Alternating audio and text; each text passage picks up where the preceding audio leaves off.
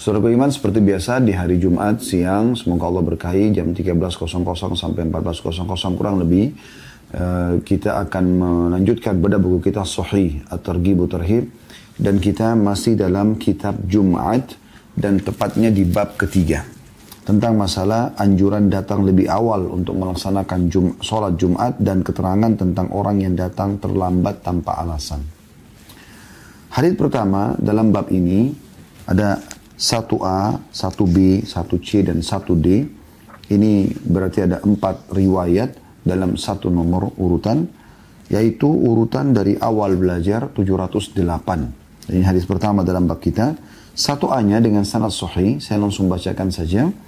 Dari Abu Hurairah radhiyallahu anhu bahwa Rasulullah sallallahu alaihi wasallam bersabda, "Man igtasala yawmal jum'ati ghusl janabah ثم راح في الساعة الأولى فكأنما قرب بدنه.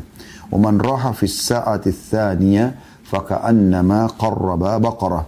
ومن راح في الساعة الثالثة فكأنما قرب قبشا أقرا ومن راح في الساعة في الساعة الرابعة فكأنما قرب دجاجة. ومن راح في الساعة الخامسة فكأنما قرب بيضة. فإذا خرجت الإمام خرجت خرج الإمام حضرت الملائكة يستمعون الذكر Artinya, barang siapa yang mandi pada hari Jumat sebagaimana mandi junub, kemudian berangkat pada waktu awal untuk menghadiri sholat Jumat, maka seolah-olah dia berkorban seekor unta atau unta. Barang siapa yang berangkat pada waktu yang kedua, maka seolah-olah dia berkorban seekor sapi. Barang siapa yang berangkat di waktu yang ketiga, maka seolah-olah dia berkorban dengan seekor kambing jantan bertanduk. Dan barang siapa yang berangkat pada waktu keempat, maka seolah-olah dia berkorban dengan seekor ayam. Dan barang siapa yang datang di waktu yang kelima, maka seolah-olah dia berkorban dengan sebutir telur. Jika imam telah keluar atau naik mimbar, maka para malaikat hadir mendengarkan zikir ataupun khutbah. Hadis ini sahih diriwayatkan oleh Malik, Bukhari, Muslim, Abu Dawud, Tirmidzi, An-Nasai dan Ibnu Majah. Hadis ini teman-teman sekalian memberikan gambaran kepada kita tentang masalah anjuran untuk bersegera datang ke masjid di hari Jumat dan tidak menunda-nunda untuk datang ke masjid ya. Karena banyak di antara kaum muslimin, terutama kaum laki-laki di sini, selalu saja melalaikan ini. Mereka berlama-lama eh, di rumahnya, di ruangan kantornya, dan tidak bersegera datang. Dengan titah atau alasan bahwasanya ya, atau dengan dalih maaf dengan dalih atau dengan alasan kalau uh, khatib belum ada masjid masih kosong misalnya. Padahal sebenarnya hari Jumat ini hari yang sangat mulia ya. Sampai kata Nabi SAW khairu yawmin talat ali syams yawmul jum'ah hari yang paling baik terbitnya matahari itu adalah hari Jumat. Fihi khulika Adam. Di hari itu Allah ciptakan Adam wa fihi ya, uh, udkhilal jannah. Pada hari itu dia dimasukkan ke dalam surga. Wa fihi ukhrija minha. Dan pada saat itu juga dikeluarkan dari surga. Dalam hadis yang lain pada hari itu Allah ciptakan Adam pada hari itu Allah wafatkan pada hari itu uh, tiupan sangkakala pada hari itu diwafatkan makhluk-makhluk menjelang hari kiamat gitu ya. ini hari yang sangat mulia dan ada waktu di mana di Jumat itu kalau orang berdoa diijabah sama Allah Subhanahu wa taala. Dalam riwayat lain dijelaskan ada 12 waktu Jumat itu dari subuh sampai maghrib tidak ada seorang muslim berdoa kecuali akan diijabah oleh Allah Subhanahu wa taala. Maka ada kesempatan kita kalau memang Allah mudahkan lagi tidak ada kesibukan yang mendesak mengkhususkan Jumat itu untuk lebih cepat ke masjid. Di sini diberikan gambaran di dalam hadis ya, eh, anjuran tadi. Kita coba korek mutiaranya. Yang pertama teman-teman sekalian yang bisa kita ambil dari hadis ini adalah anjuran mandi di hari Jumat dan mandi sebersih mungkin. Dan alangkah baiknya kalau menggabungkan niat mandi Jumat sama mandi junub. Sebagaimana dalam hadis ini ya. Siapa yang mandi hari Jumat, mandi junub. Ya. Artinya kalau orang punya pasangan halal, dia berhubungan biologis, kemudian dia niatkan mandi junubnya sekaligus mandi Jumat. Atau bisa juga bermakna dia mandi bersih seakan-akan dia mandi junub. Ya. Itu anjuran yang pertama untuk mandi. Dan ini bagi laki-laki lebih cenderung pendapat jumhur ulama Ghusl yawmul jum'ati wajib. Ya. Mandi hari Jumat itu wajib. Walaupun ada yang mengatakan sunnah muakkadah. Ya. Tapi karena penekanan hadis itu banyak sekali tentang keutamaannya, maka ada yang mengatakan dia wajib. Uh, mutiara kedua dari hadis adalah derajat daripada orang-orang yang lebih awal ke masjid. Digambarkan di sini, kalau orang datang di awal waktu, seperti dia bersedekah dengan seekor unta. Ya, unta cukup mahal harganya, puluhan juta rupiah. Jadi seperti Anda bersedekah dengan unta itu. Anda datang waktu setelahnya, maka seperti bersedekah dengan seekor sapi. Anda datang waktu setelahnya lagi, maka seakan-akan Anda berkurban atau bersedekah dengan domba bertanduk. Anda datang waktu yang selanjutnya lagi, waktu yang keempat, seperti Anda bersedekah dengan seekor ayam. Anda datang lagi di waktu yang terakhir sebelum khatib naik di atas mimbar, maka Anda seperti bersedekah dengan sebutir telur. Dan dalam hal ini dijelaskan, kalau khatib sudah naik di atas mimbar, maka para malaikat ya hadir untuk mendengarkan khutbah. Dalam riwayat lain, para malaikat menutup buku-buku catatan mereka untuk mendengarkan khutbah. Artinya nggak dapat lagi kalau khatib sudah ada di atas mimbar. Ya. Banyak sekali orang rumahnya sebelah masjid, subhanallah, tapi dia tidak hadir di masjid. Dia tidak bersegera datang ke masjid. Padahal ini keutamaan sangat besar sekali. Juga ulama ber, ber, berselisih pendapat tentang masalah kira-kira kapan nih waktu yang pertama sehingga dapat seperti unta, waktu yang kedua sehingga seperti sapi, waktu yang ketiga sehingga seperti kambing, Waktu yang keempat sehingga seperti berkurban dengan ayam. Yang kelima seperti telur. Ada yang mengatakan dari mulai subuh, dia udah hadir di masjid, subuh Jumat sampai sholat Jumat. Ini dipastikan dia akan mendapatkan unta. Karena memang tidak jelas waktu penentuannya, tapi kalau orang dari subuh sudah pasti dia datang dari awal waktu. Mungkin di waktu duha masjid kosong. Atau selepas syuruk, orang biasa beraktivitas gitu kan. Tidak di masjid, belum ada orang istilahnya gitu. Ya. Tapi ini pendapat. Ada juga pendapat Allah alam dan ini juga kami cenderung pada pendapat ini yang mengatakan bahwasanya uh, Allah Subhanahu wa taala merahasiakan, tidak mengatakan misalnya uh, pada saat matahari setinggi ini misalnya, tidak menentukan seperti itu. Ya, uh, ini ada hikmah karena intinya sebenarnya motivasi untuk segera ke masjid, gitu kan. Maka Allah lebih tahu kapan Allah akan berikan dia seperti berkorban dengan unta, kapan sapi, kapan kambing, domba yang bertanduk, kapan ayam, kapan telur. Ya. Mungkin bisa saja Anda datang belum lama uh, sebelum khatib dari mimbar, tapi karena Anda termasuk orang yang awal datang, mungkin ya, Anda diberikan oleh Allah SWT unta, bukan mustahil atau sapi. Ya, seperti bersedekah dengan hewan-hewan ini. Kemudian pelajaran yang ketiga yang bisa kita ambil dari hadis ini adalah bagaimana para malaikat juga menghadiri Jumat. Ini kemudian berarti sendiri. Kemudian tersendiri karena malaikat pun hadir di hari Jumat. Dan kita sudah tahu malaikat sifatnya uh, mereka itu adalah hamba-hamba Allah yang mulia Allah ciptakan dari cahaya. Dan Allah mengatakan dalam Al-Quran tentang sifat mereka, A'udhu billahi minasyaitonirrajim la ya'sunallaha ma'amarum yafa'aluna ma yu'marun. Mereka tidak pernah bermaksiat terhadap apa yang Allah perintahkan dan mereka selalu mengerjakan apa yang Allah titahkan. Gitu kan? mereka memang tidak akan pernah bermaksiat para malaikat itu.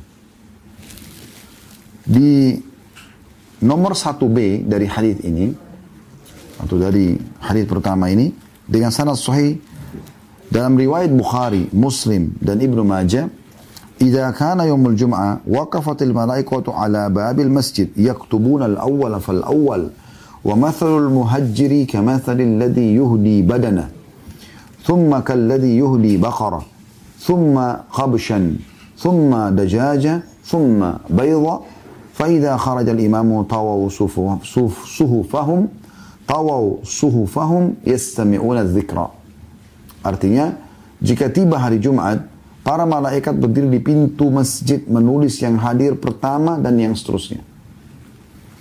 Dan perumpamaan orang yang berangkat pertama, awal-awal datang, adalah seperti orang yang berkurban seekor unta.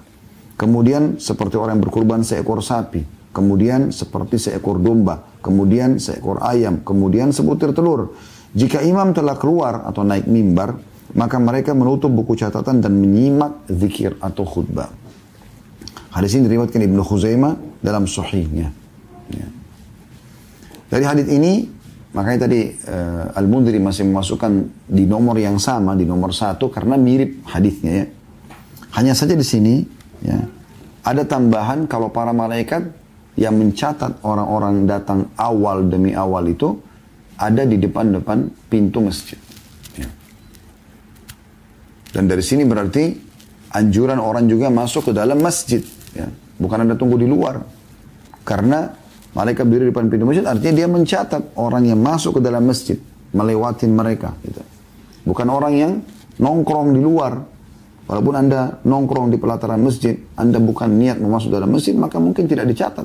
Ya. Maka makna malaikat berdiri di depan pintu masjid, mencatat satu persatu demi satu siapa yang datang, maksudnya siapa yang masuk ke dalam masjid itu sendiri. Kemudian uh, dalam hadis ini juga lebih jelas lagi kalau memang yang dimaksud tadi tentang unta, sapi, domba bertanduk, ayam dan telur adalah seperti nilai bersedekah. Karena di sini disebutkan ya, wa mathalul muhajiri kamathalil ladzi yuhdi badana. Ada kata-kata yuhdi badana, ya. Perumpamaan orang yang bersegera di awal waktu datang maka seperti orang yang berkurban atau menyumbang ya, menghadiahkan seekor unta. Jadi nilainya gitu ya yang diberikan. Kemudian juga dalam hadis ini dijelaskan bagaimana malaikat menutup buku-buku amal mereka. Ya. Kalau riwayat tadi yang pertama, malaikat datang mendengarkan khutbah. Kalau di sini malaikat yang mencatat amal tadi menutup buku amal-amal mereka sehingga ya tidak lagi mencatat memberikan keutamaan seperti bersedekah urutan tadi, unta, sapi, kambing, atau domba bertanduk, ayam dan telur pada orang yang datang setelah khatib naik di atas mimbar. Nah, ini kita sayangkan sekali karena saya melihat masih masih menjadi sebuah tradisi kita di Indonesia ya. Jarang sekali kita temukan ada masjid yang mungkin di Indonesia ini jam 10 orang sudah rame masjid sholat Jumat itu. Bahkan jam 11. Ya. Orang kalau datang jam 11 dianggap, oh Cepat sekali ke masjidnya seperti itu ya. Satu jam lagi baru azan misalnya, jam 12 baru azan. Padahal sebenarnya memang ini yang dimaksudkan. Ya. Justru datang lebih awal. Karena masih banyak amal-amal lain yang bisa Anda lakukan. Bukankah kita dianjurkan baca surah Al-Kahfi di hari Jumat? Anda bisa baca saat masuk masjid. Kata Nabi SAW, siapa yang baca ya, Al-Kahfi di hari Jumat, maka Allah akan berikan cahaya di diri dia antara dia dengan Jumat setelahnya. Riwayat lain siapa yang baca surah Al-Kahfi malam Jumat, maka Allah akan berikan dia cahaya antara dia sama Ka'bah. Maka ada anjuran, ada juga anjuran membaca salawat pada Nabi SAW. Kata Nabi SAW, hari Jumat adalah hari yang terbaik. Ya. Terbitnya mata, semenjak terbitnya matahari. Ya, di hari itu diciptakan Adam, hari itu juga dia diwafatkan. Uh, hari itulah tiupan sangkakala, hari itulah kematian yang seluruhnya terjadi, yang sa'aqah. Ya. Begitu dalam hadis. Maka perbanyaklah salawat kepadaku. Karena salawat kalian dihantarkan kepadaku. Kata para sahabat, ya Rasulullah, bagaimana salawat kami untuk anda dihantarkan sementara anda sudah masuk ke dalam tanah. Dalam hadis riwayatnya dikatakan balait, artinya sudah hancur tubuh anda dimakan oleh tanah. Kata Nabi SAW, sesungguhnya Allah mengharamkan tanah untuk memakan jasad-jasad kami manusia para nabi-nabi. Ya. Anda bisa lakukan itu. Yang belum sholat duha bisa sholat duha. Yang belum zikir pagi bisa menyelesaikan zikir paginya. Kan gitu. Jadi banyak sekali yang bisa dilakukan dengan berseri datang sholat Jumat. Karena tidak beraktivitas yang lain lagi. Ya. Anda sibuk dengan ibadah kepada Allah SWT, khususkan hari Jumat itu. Hari Jumat itu adalah seperti hari raya buat kita memang. Kata Abu, kata Anas bin Malik, radhiyallahu anhu, ditawarkan kepada Nabi SAW Jumat, ya, dengan cara Jibril datang, membawa Jumat itu seperti cermin yang warna putih, di tengah-tengahnya ada titik warna hitam yang ditawarkan kepada Nabi SAW. Lalu kata Nabi SAW, apa ini wahai Jibril? Kata Jibril AS, ini adalah Jumat yang ditawarkan untukmu. Sebagai hari raya untukmu dan umatmu setelahmu. Nah, ini hari raya. Ya. Hari yang perlu kita khususkan pakaian yang indah, parfum yang wangi, ya, penampilan yang bersih, beribadah kepada Allah SWT, memuji dan bersyukur kepadanya. Ya. Nah, ini hari mulia yang harusnya setiap muslim ya, lebih jeli untuk uh, Eh, menghayati ya dan memaksimalkan ibadah di situ. Di riwayat satu C-nya dengan sanad sahih dalam riwayat uh, ini disebutkan bahwasanya Rasulullah SAW bersabda al mustajilu ilal jum'ati kal muhdi badana والذي يليه كالمهد بقرة والذي يليه كالمهد شاة والذي يليه كالمهد طيرا Orang yang bersegera hadir menuju sholat Jumat, maka seperti orang yang berkurban seekor unta. Yang berikutnya adalah seperti orang berkurban seekor sapi. Yang berikutnya adalah seperti orang berkurban seekor domba. Yang berikutnya adalah seperti seorang berkurban seekor burung. Maka ini mirip dengan tadi ya. Cuma di sini ada perbedaan lafaz. Kalau dua riwayat yang sebelumnya kita bacakan, itu adalah Waktu yang keempat seperti berkurban seekor ayam. Kalau di sini seekor burung. Ya, seekor burung. Satu D-nya masih nomor hadis yang sama ya nomor satu. Dengan sanad sahih dalam riwayat lain, ala kulli babin min abwabil masajid yawmal jum'ati malakani yaktubanil awwal fal awwal. Karajulin قدم بدنا وكرجل قدم بقرة وكرجل قدم شاة وكرجل قدم طيرا وكرجل قدم بيضة فإذا قعد, قعد الإمام طويت الصحف tuwiyat suhuf. Di setiap pintu dari pintu-pintu masjid pada hari Jumat terdapat dua malaikat yang menulis orang yang hadir pertama kali dan yang berikutnya. Orang yang pertama datang seperti berkurban seekor unta. Ya, kemudian setelah itu seperti orang berkurban seekor sapi. Kemudian setelah itu seperti orang berkurban seekor domba. Kemudian setelah itu seperti orang berkurban seekor burung. Kemudian setelah itu seperti orang berkurban sebutir telur. Jika imam duduk maka buku catatan ditutup. Maka buku catatan ditutup. Ya. Kita masuk ke hadis keduanya. Hadis kedua, Hasan di ghairihi. Ya.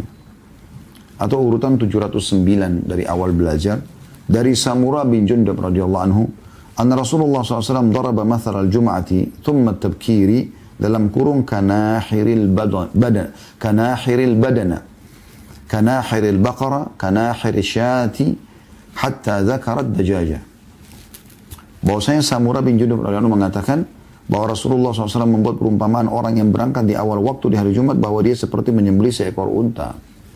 Kemudian seperti menyembelih seekor sapi. Kemudian menyembelih seekor domba. Sampai beliau menyebutkan seperti menyembelih seekor ayam. Diriwayatkan oleh Ibnu Majah dengan sanad hasan. Diriwayatkan oleh Ibnu Majah dengan sanad hasan. Hadis ini mirip dengan tadi ya. Cuma memang e, berbeda riwayat saja. Jadi kita tidak tambahkan apa-apa di sini. Intinya anjuran untuk mempercepat menuju ke masjid. Kita masuk langsung ke hadis ketiga. Ada 3A sama 3B urutan 710 dari awal belajar. Berbunyi dari Abu Hurairah dari Abu Umamah radhiyallahu anhu. Dia berkata Rasulullah SAW bersabda taq'udul malaikatu yaumul jum'ati ala abwabil masajid ma'ahum suhufa yaktubuna nas fa idza kharaja al imamu tuwiyatis suhuf qulna ya Aba Umama alaysa liman ja'a ba'da khurujil imami jum'ah qala bala walakin laysa mimman yuktabu fis suhuf Para malaikat duduk pada hari Jumat di pintu-pintu masjid dengan membawa catatan. Ya atau membawa buku catatan. Mereka menulis orang-orang yang hadir. Jika imam telah keluar atau naik mimbar, maka catatan-catatan itu ditutup. Aku berkata, wahai Abu Umama, bukankah orang yang hadir setelah imam keluar naik mimbar mendapatkan sholat Jumat? Maka kata Abu Umama benar, akan tetapi dia tidak termasuk yang ditulis di buku catatan para malaikat tersebut. Dia termasuk, ya, tidak termasuk yang ditulis di buku catatan para malaikat tersebut. Hadis ini riwayat Ahmad dan juga At-Tabarani. Di tiga B-nya dengan sanad Hasan Sahih dalam riwayat Imam Ahmad, aku mendengarkan Rasulullah SAW bersabda, "Taq'udul malaikatu ala abwabil masajid fayaktubuna al-awwal wa tsani wa tsalits hatta idza kharaja al-imamu rufi'atis suhuf." Para malaikat duduk di pintu-pintu masjid, mereka menulis orang yang hadir pertama, kedua, dan ketiga. Sehingga ketika imam telah keluar atau naik mimbar, maka buku catatan diangkat. Ya, ini semua hadis-hadis yang Hasan ya. Hasan yang tadi riwayat tiga nya Hasan, riwayat tiga B-nya Hasan Sahih. Kedua buah riwayat ini menguatkan riwayat yang sebelumnya yang sudah kita jelaskan teman-teman sekalian yang satu dan dua tentang masalah bagaimana para malaikat hadir di Jumat itu kemudian menulis Allah perintahkan menulis dan memberikan catatan di buku amal tambahan mereka selain sholat Jumat ya selain mendengarkan khutbah ada keutamaan sendiri bagi orang yang tabkir tabkir itu lebih cepat datang. Ya. Di awal, walaupun belum ada orang di masjid.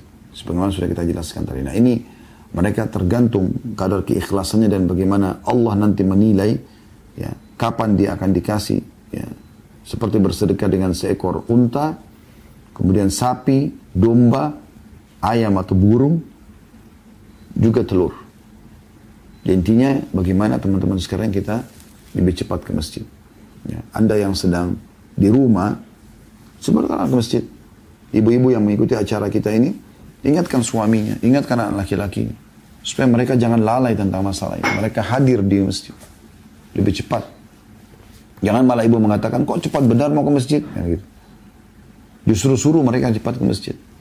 Kalau ibu menjadi motivatornya, maka secara otomatis ibu akan dapat pahala juga. Mereka laksanakan, mereka ibu dapat pahala, ibu juga ikut dapat pahala gitu. Ya. Kemudian juga kita bisa lihat di sini orang yang hadir Jumat dapat pahala Jumatnya. Kalau datang telat misalnya setelah khatib di atas mimbar, mereka dapat pahalanya. Sholatnya dapat pahala. Karena ulama hampir semua sepakat mengatakan orang yang datang pada saat di rakaat pertama sholat Jumat, dia masih sempat takbir, dia dapat Jumat. Sholat Jumatnya maksudnya. Kalau orang dapat sholat Jumat itu, di rakaat kedua, setelah imam bangun dari ruku, Allah, sami Allah liman hamidah, baru dia datang takbir, maka di sini dia niatkan sholat, sholat duhur. Jadi setelah salam imam, dia lanjutkan empat rakaat. Ya. Tapi, dia tidak dapat tadi. Ya, kalaupun yang datang sholat Jumat dari rakaat pertama, dia tidak sempat dengarkan khutbah misalnya. Atau dia dengarkan khutbah sebentar lalu kemudian dia sholat Jumat. Dia dapat keutamaannya. Sholat Jumat itu. Tapi tidak mendapatkan keutamaan seperti bersedekah yang jumlah sangat banyak ini. Puluhan juta setiap Jumat. Dari mana kita bisa dapatkan duit sebanyak ini teman-teman sekalian? Tidak semua orang miliki. Satu ekor unta yang bagus itu bisa 50 juta. Bisa 70 juta. Sama mirip sapi ya, tergantung. Dan pasti Allah SWT akan memberikan yang terbaik buat hambanya. Sapi kan ada sampai ratusan juta harganya. Kalau sapi yang terbaik. Dan ini Allah SWT yang memberikan kepada kita, pasti Allah akan berikan yang terbaik. Ini, ini. Begitu juga dengan unta, lebih mahal lagi. Bahkan orang yang telat datang sedikit di waktu ini masih dikasih seperti domba jantan yang bertanduk. Ini juga Anda tahu di Idul Adha bagaimana harganya. Ya. 7 juta, 10 juta, bahkan ada yang sampai 15 juta. Ya. Kemudian baru ayam, baru telur. Baik, kita langsung masuk lagi ke hadis keempat karena mirip semuanya ini ya. Dengan sanad Hasan urutan 711 dari awal kita belajar dari Abu Sa'id Al-Khudri radhiyallahu anhu dari Nabi wasallam beliau bersabda, "Idza kana yaumul jum'ati qa'ada al-mala'ikatu ala abwabil masajid fayaktubuna man ja'a minan nasi ala manazilihim." فرجل قدم جزورا ورجل قدم بقرة ورجل قدم شاة ورجل قدم دجاجة ورجل قدم بيضة قال فإذا أذن المؤذن وجلس الإمام على المنبر طويت الصحف ودخلوا المسجد يستمعون الذكرى Di hari Jumat pada para malaikat dulu di pintu-pintu masjid. Mereka menulis orang yang datang menurut dalam kurung jarak rumah mereka. Ada orang yang seperti berkurban seekor unta, ada orang yang berkurban seperti sapi, ada orang yang berkurban seperti domba, ada orang yang berkurban seperti ayam, ada yang berkurban seperti sebutir telur. Beliau SAW melanjutkan, ya, jika muadzin mengumandangkan azan dan imam duduk di atas mimbar, maka buku catatan ditutup dan mereka masuk masjid untuk mendengarkan zikir atau khutbah. Hadis ini diriwayatkan Ahmad dengan sanad Hasan. Dengan sanad Hasan. Dan hadis ini sama ya, kita bisa ambil pelajaran teman-teman sekalian bagaimana ya para malaikat ada di hadir di Jumat sebagaimana sudah kita jelaskan tadi dan mereka berada di pintu-pintu masjid mencatat orang-orang yang masuk ke dalam masjid menghadiri lokasi tempat sholat. Tentu orang yang datang telat masjid sudah penuh dan memang khatib belum naik di atas mimbar, mereka terpaksa di teras masjid, itu juga dicatat. Ya. Tapi ini maksudnya yang awal-awal datang. Anda masih lihat masjid kosong, jangan di luar masjid. Anda masuk dalam masjid supaya pastikan diri Anda memang mendapatkan keutamaan ini. Kemudian juga di sini ada tambahan uh, dari yang apa uh, penekanan sebenarnya bukan bukan tambahan ya penekanan bahwasanya memang malaikat pun setelah selesai khatib di atas mimbar mereka masuk ke dalam masjid Walaupun masjid itu sudah penuh safnya, tetap malaikat Allah SWT izinkan dengan hikmahnya. Kita tidak tahu di mana posisi pasnya, tapi mereka datang untuk mendengarkan khutbah juga. Dan ini pelajaran teman-teman sekalian bahwasanya khutbah itu dianjurkan untuk didengar. Jangan tidak didengar. Anda ngerti atau tidak ngerti bahasanya. Ya. Anda, anda, anda, anda sibuk atau tidak, tetap harus Anda dengarkan. Tidak boleh. Oleh karena itu, longkan pikiran hati kita untuk mendengarkan khutbah. Materi sudah pernah Anda dengar atau tidak, tetap aja Anda dengarkan. Khatibnya suaranya keras atau tidak, Anda berusaha dengarkan. Karena memang ada perintah untuk mendengar itu. Fastama'a wa ansad. Mendengar dan fokus gitu. Ya. Kemarin, eh, kalau tidak salah di Jumat yang lalu ada yang bertanya, bagaimana kalau orang tidak mengerti apa yang diucapkan? Atau mungkin ya uh, apa ya tidak mengerti yang diucapkan oleh khatib. Karena dalam bahasa daerah atau anda berada di satu negeri anda di Afrika misalnya tidak ngerti bahasanya. Bagaimana kira-kira kondisinya ya? Apakah kita bisa sibukkan diri dengan berzikir? Kami sudah tanyakan kepada Syekh Ziyad Hafizahullah di Jordan. Beliau mengatakan biarpun tidak mengerti tetap dengar. Ya. berusaha untuk mendengar. Karena perintah mendengar ini ada.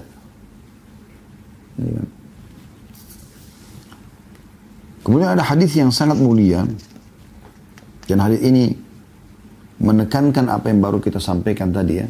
Masih di bab yang sama hadis nomor 5 kita. Saya berharap ini sampai ke semua kuping laki-laki muslim. Ya. Terutama di Indonesia dan di seluruh dunia. Hadis ini jangan disia-siakan ini. Terlalu mahal nilainya gitu. Hadis ini hadis yang sahih. Bagian pegang bukunya di nomor 5 dalam bab kita ini urutan 712 dari awal kita belajar. Hadis diriwayatkan oleh An-Nasa'i dari hadis Abu Hurairah radhiyallahu anhu. Dan juga ada hadis diriwayatkan oleh Abdullah bin Amr radhiyallahu anhu dari Nabi SAW beliau bersabda man gassala wa iktasal wa dana wa ibtakar wa iqtaraba wa istama' kana lahu bi kulli khutwatin yakhtuha qiyamu sanatin wa siyamuha Barang siapa yang membasuh kepalanya dan mandi. Mendekat dan berangkat di awal waktu. Mendekat dan menyimak. Mendengar dan menyimak khutbah. Maka dengan setiap langkah yang diayunkannya dia meraih pahala sholat malam dan puasa satu tahun. Satu tahun. Ini bukan main-main hadis ini. Terlalu mulia, terlalu besar sekali keutamaannya. Situ juga ada disebutkan hadis uh, hadis, eh, begitu pula ini atau ia telah disebutkan di hadis nomor 690 ya. Kalau kita kembali ke hadis nomor 690 ada penyebutan juga masalah ini. Saya bacakan kembali kalau teman-teman yang pegang bukunya bisa kembali ke hadis nomor 690 untuk menguatkan bahasan kita ini di halaman 95 ya. Dari Aus bin Aus Al-Thaqafi radhiyallahu anhu dia berkata, Aku mendengarkan Rasulullah SAW bersabda, Man gassala yawmal jumati wa gtasal, wa bakkara wa abtakar, wa masya wa lam yarkab, wa dana minal imami fastama, wa lam yalgu, kana lahu bi, khut, bi kulli khutwatin amalu sana, ajruha siyamiha wa qiyamiha. Barang siapa yang membasuh ya, pada hari Jumat dan mandi, artinya mandi yang bersih, mendapatkan awal khutbah dan datang di awal waktu, berjalan dan tidak berkendaraan, mendekat kepada imam lalu menyimak fokus. Ya. Dan dia tidak melakukan perbuatan sia-sia, maka setiap langkah dia akan mendapatkan pahala amal setahun, yaitu pahala puasa dan uh, sholat sunnah malamnya. Ya. Jadi ini yang luar biasa. Ya. Di situ ada, sudah pernah kita bahas di uh, penjelasan hadis nomor 691 ya, Potongan sabda Nabi SAW kata Al-Khattabi rahimahullah, Gassala wa gtasal wa bakkara wa abtakar.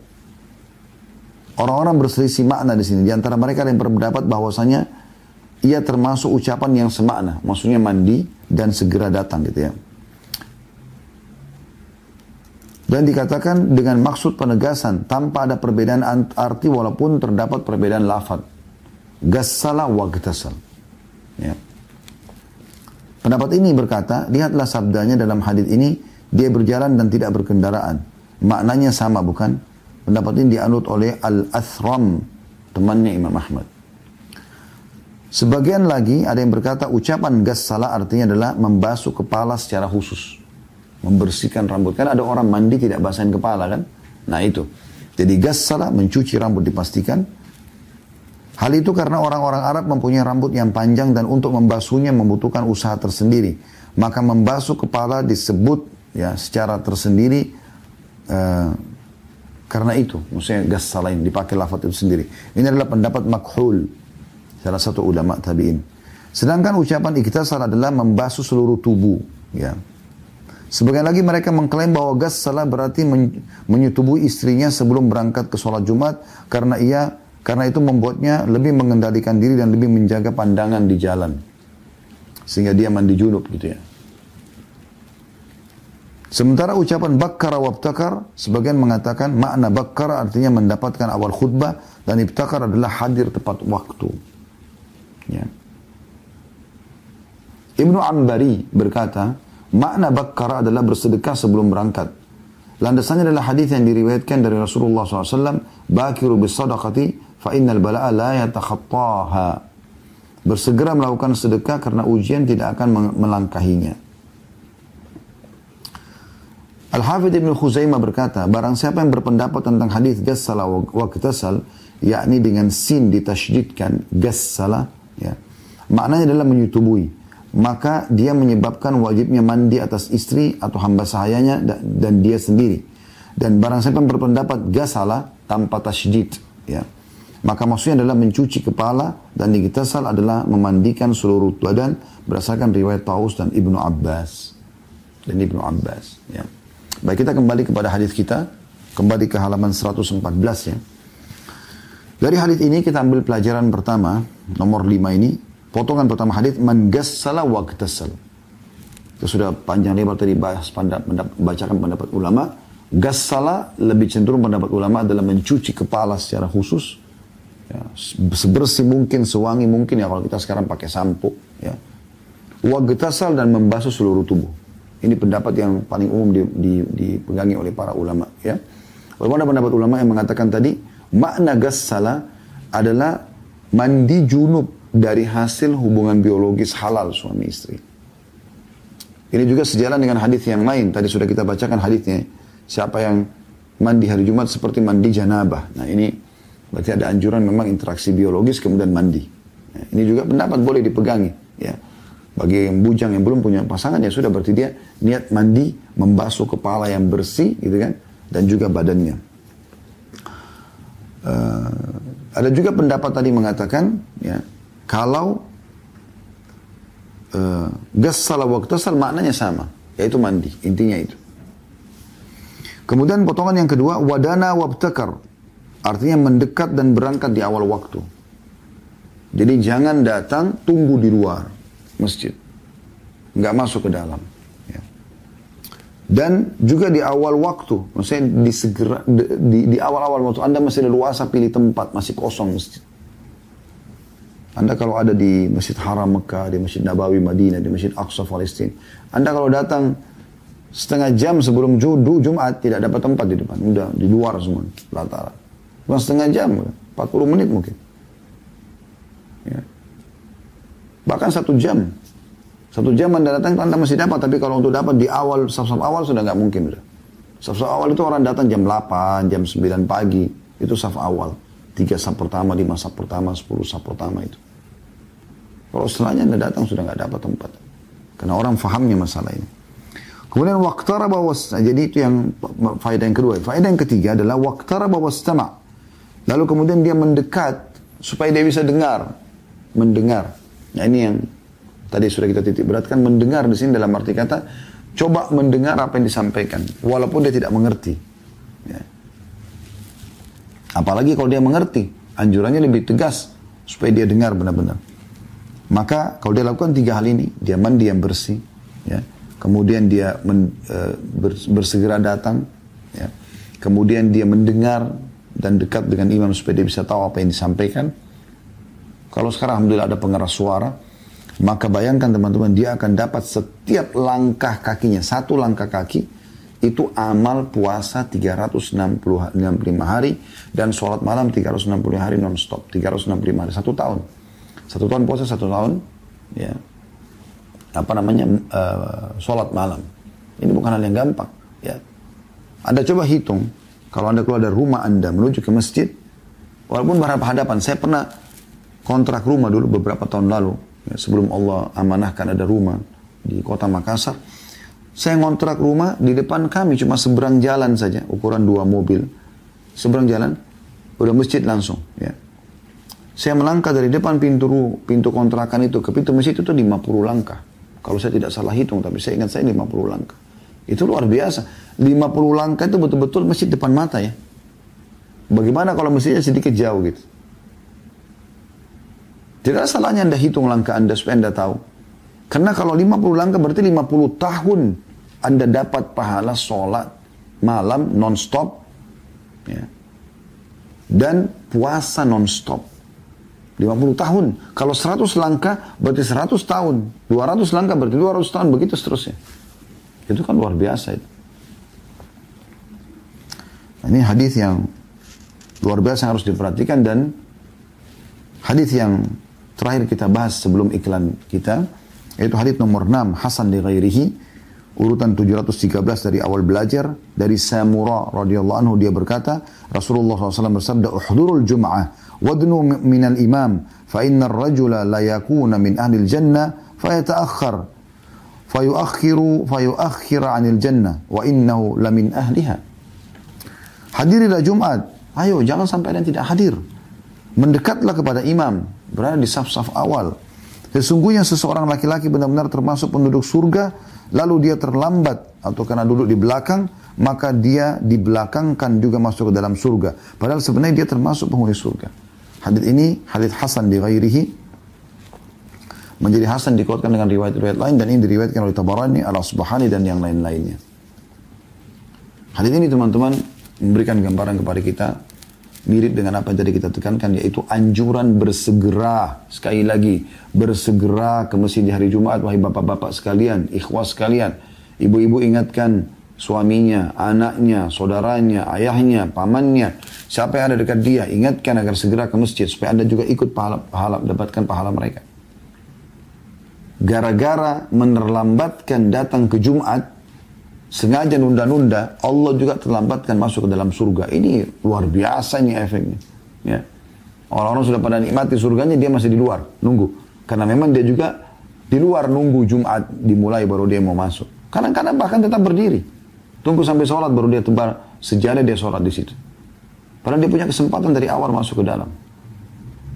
Dan ini sudah cukup harusnya menggetarkan hati setiap orang beriman kalau orang sengaja menerlambatkan Jumatnya tanpa ada udur, maka dia pun akan ditambatkan masuk surga walaupun dia dasarnya penghuni surga. Dan kita insya Allah akan masuk ke bab keempat. Ya, setelah tadi kita jelaskan ada enam buah hadis dari bab yang ketiga. Maka sekarang kita akan masuk ke bab keempat. Masalah ancaman melangkahi pundak kaum muslimin di masjid pada hari Jumat. Dan dalam bab ini hanya ada dua buah riwayat yang satu berisikan lafaz hadis dan yang satu adalah sanad hadis ya. Baik, saya akan bacakan langsung hadis pertama di sini dengan sanad sahih, urutan 714 dari awal kita belajar dari Abdullah bin Busur radhiyallahu anhu beliau berkata, "Ja'a rajulun yatakhatta riqaban nasi yawm al-jum'ah." والنبي صلى الله عليه وسلم يخطب فقال اجلس فقد آذيت وآنيت Seseorang laki-laki datang melangkahi pundak orang-orang pada hari Jumat sementara Nabi SAW sedang berkhutbah. Ya. Maka beliau SAW bersabda, duduklah karena kamu telah mengganggu dan datang terlambat. Hadis ini riwayat Ahmad, Abu Daud dan An-Nasai, Ibnu Majah, Ibnu Khuzaimah, Ibnu Hibban dalam sahih keduanya. Dan juga diriwayatkan oleh Abu Daud dan An-Nasai tanpa wa'anaita. Tanpa maksudnya potongan ya hadis dan kamu sudah datang terlambat. Serta dalam riwayat Ibnu Khuzaimah, fakat azaita wa uzita. Kamu telah mengganggu dan juga diganggu.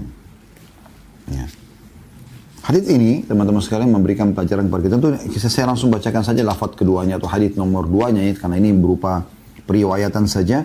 Riwayat nomor dua, sahih di ghairihi. Kalau tadi yang pertama itu adalah hadis yang sahih. Kalau ini menjadi sahih karena dikuatkan riwayat-riwayat lain. Urutan 715 dari awal kita belajar diriwayatkan pula oleh Ibnu Majah dari hadis Jabir bin Abdullah radhiyallahu anhu ya, yang sama. Kurang lebih mirip gitu. Cuma ada penjelasan masalah anaita dengan hamzah dibaca mat ya. Anaita gitu setelah adanya nun ya, yakni terlambat. Dan wa'a naita, engkau wa'a zaita artinya engkau telah mengganggu karena melangkahi pundak orang-orang. Baik. Hadis ini teman-teman sekalian sesuai dengan judul babnya yaitu tentang ancaman melangkahi pundak. Ya.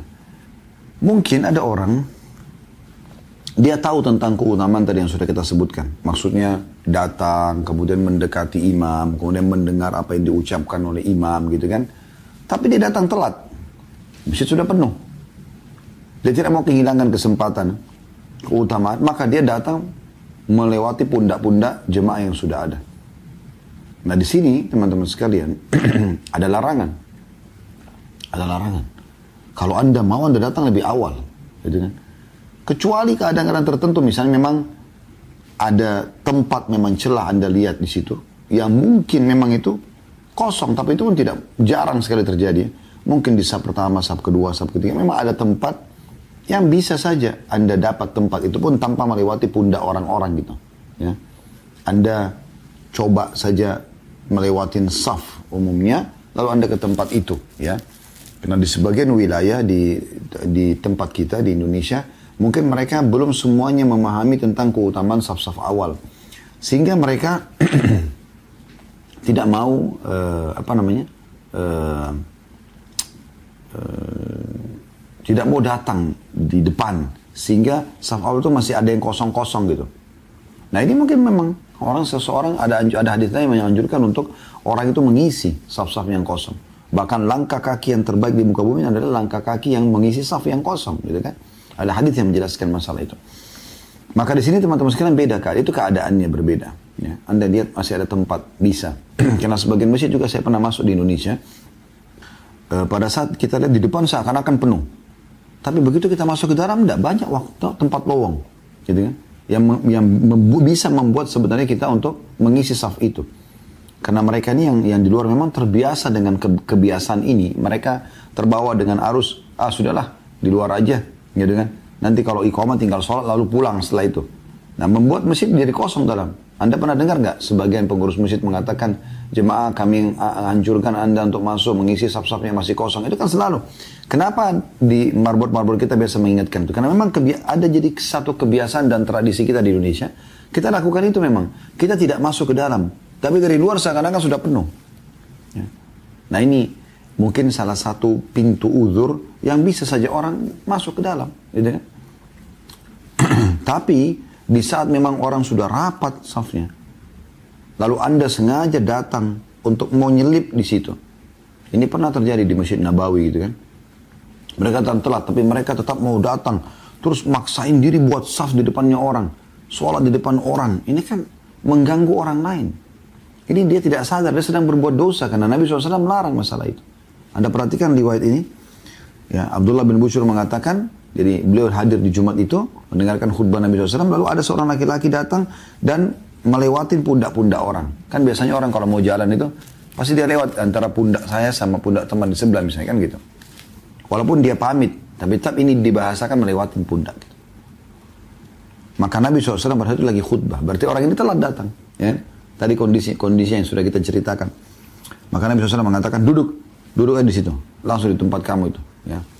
Karena kamu telah mengganggu dan datang terlambat. Hmm. Ini ada pepatah bahasa Arab mengatakan akhasafan wasu akila. Khasaf itu kurma kering. Wasu akila maksudnya timbangan yang buruk. Ini yang diberikan perumpamaan kepada orang yang menggabungkan dua keburukan sekaligus. Jadi ada orang jual kurma sudah buruk kualitasnya, dia curang lagi di timbangannya. Maka perumpamaan ini, akhasafan wasu akila, apakah sudah kurma kering buruk, tambah lagi timbangannya buruk, gitu kan? Ini diberikan perumpamaan untuk semua perbuatan buruk yang orang lakukan, tapi bersatu dua perburukan dalam satu dalam satu kegiatan gitu. Nah sama kasus ini. Maka Nabi SAW mengatakan, Fakat azaita wa anait. Kau udah nyakitin orang, ya, plus lagi datang terlambat. Artinya harusnya kau sadar, tunggu di luar aja. Jangan nyerobot masuk ke dalam. Ya. Kecuali kondisional tadi yang saya ceritakan. Anda memang lihat masjid masih kosong, ya. Anda bisa masuk dan Anda tidak mengganggu orang karena memang itu masih kosong gitu, ya. Itu berbeda. Tapi kalau sudah rapat, Anda jangan sama sekali masuk dan mengganggu orang. Di dalam riwayat yang lain tadi, fakat azaita wa uzita. Kau telah menyakiti, mengganggu dan diganggu. Sebenarnya orang-orang akan sorotin semua dengan pandangan mata. Anda pernah lihat atau rasakan kalau laki-laki yang hadir di acara kita ini, kita lagi duduk sudah rapat, ada orang tiba-tiba nyelonong masuk, mau ngerobot-ngerobot masuk ke dalam. Pasti akan orang mata orang akan ke sana dan dia terganggu harusnya dengan itu. Ya. Kadang-kadang bahkan karena dia memaksakan diri masuk ke dalam saf, orang nggak mau kasih karena sudah sempit sekali, nggak mungkin. Walaupun ini tidak terjadi di Indonesia ya. Karena memang justru terbalik. Kita masih males untuk masuk ke sab-sab awal. Tapi di masjid-masjid yang seperti Masjid Haram Mekah, Masjid Nabawi Madinah. Orang karena mau kejar keutamaan. Tapi dia tidak sadar kalau dia datang terlambat. Dia tetap mau nyelonong. Maksain diri. Suruh orang geser untuk dia. Padahal sudah nggak mungkin gitu. Nggak mungkin kan. Dan orang yang tidak kasih tempat dia punya hak itu. Maka ini poin harus diperhatikan teman-teman sekalian. Dari sesuai dengan judulnya. Tidak boleh mengganggu orang yang sudah duduk.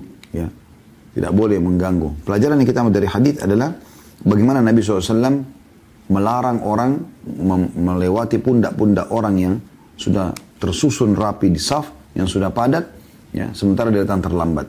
Juga ada larangan, anjuran, eh, larangan di sini untuk datang terlambat di dalam masjid.